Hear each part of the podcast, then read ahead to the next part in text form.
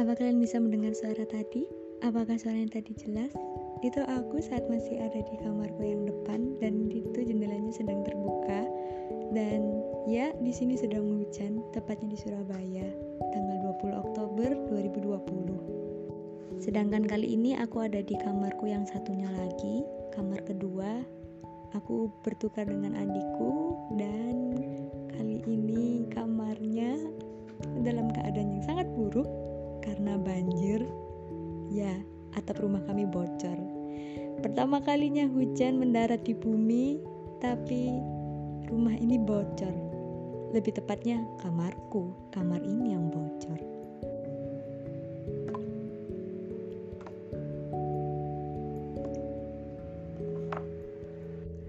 Apa ada yang mendengar percikan airnya?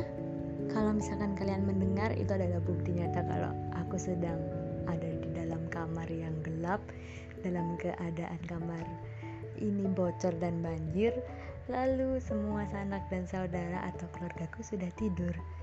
Sekarang sudah malam, tepat pukul 20.23, gelap, sunyi, dan ada bunyi rintik-rintik hujan, lebih tepatnya bocor.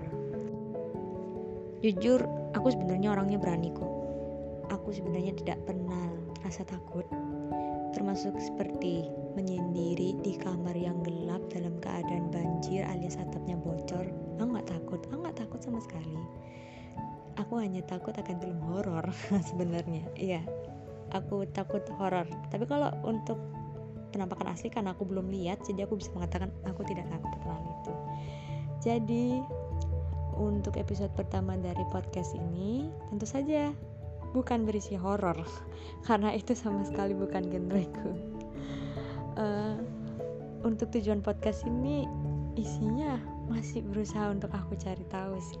Mungkin isinya akan sedikit absurd karena isinya sendiri ada seperti storytelling, ada summary, review, and many else. Pokoknya something that was stuck in my head, sesuatu yang ada di pikiranku akan aku berusaha untuk mengutarakannya melalui aplikasi ini. Jadi sebenarnya ini sangat membantu banget buat aku yang banyak omong. ya, aku pokoknya terbantu. Terima kasih juga buat kalian yang udah mendengarin. Maafkan atas kegajianku malam ini. Selamat tidur.